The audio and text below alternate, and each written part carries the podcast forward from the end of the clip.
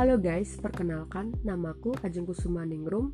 Aku merupakan mahasiswi aktif program studi ilmu komunikasi Universitas Tidar Magelang. Sebagai mahasiswi aktif ilmu komunikasi, tentunya aku dituntut untuk bisa berkomunikasi dengan baik.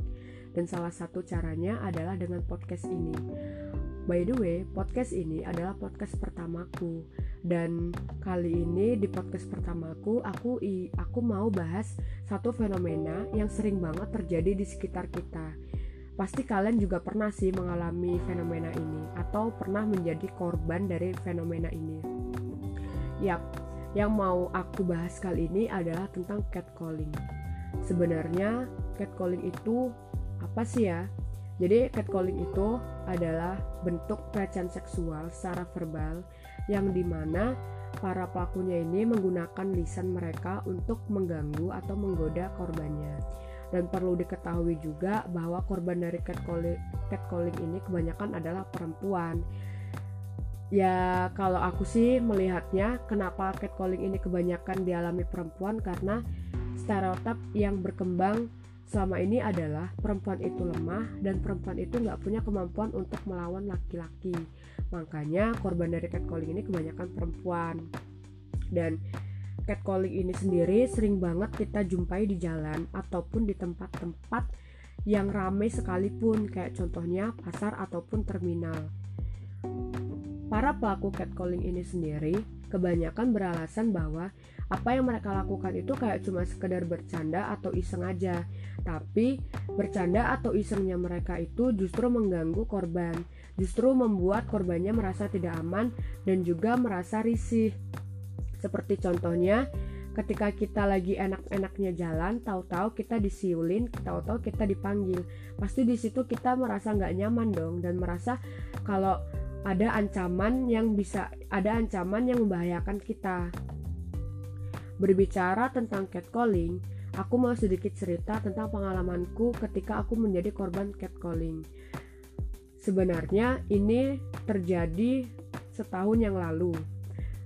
Ketika aku dan temanku jalan mau pulang ke kos, terus ketemu sama orang-orang yang lagi nongkrong. Nah, ketika ngelewatin mereka, kita dipanggil-panggil sama mereka. Diajak kenalan, disiul-siulin, dan juga mereka menawarkan bantuan untuk nganterin kita ke kos. Aku nganggapnya itu kayak bodoh amat lah, aku nggak anggap mereka sih maksudnya aku nggak peduli, nggak aku peduliin karena menurutku itu kayak cuma ya mungkin mereka iseng gitu kan.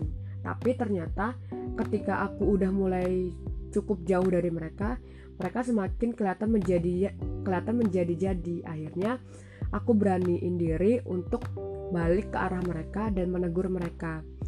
Dan di situ aku lihat mereka itu ketakutan karena sebenarnya mereka itu awalnya kayak kayak cuma bercanda aja gitu kan. Tapi ternyata aku membalas mereka dengan serius aku memperlihatkan dan aku menunjukkan bahwa aku itu nggak suka dengan apa yang mereka lakukan kepadaku.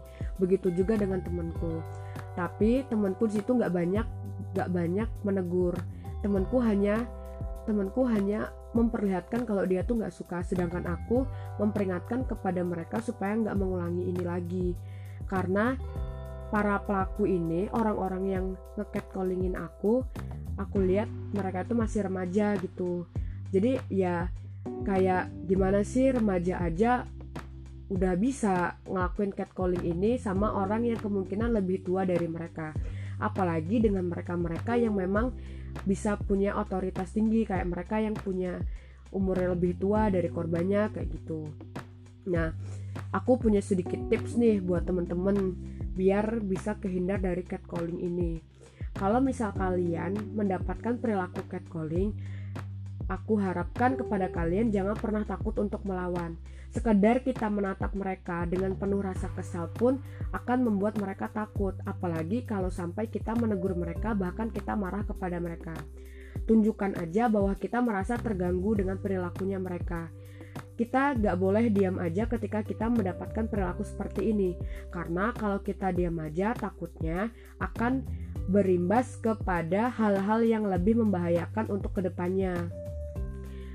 Semoga apa yang aku bagi kali ini bisa bermanfaat untuk teman-teman semua. Dan untuk teman-teman semua, aku berpesan untuk tetap selalu menjaga keselamatan kalian dan jangan pernah ragu untuk melawan dan jangan dan menyuarakan apa pun yang benar. Terima kasih untuk perhatian teman-teman semuanya. See you bye bye.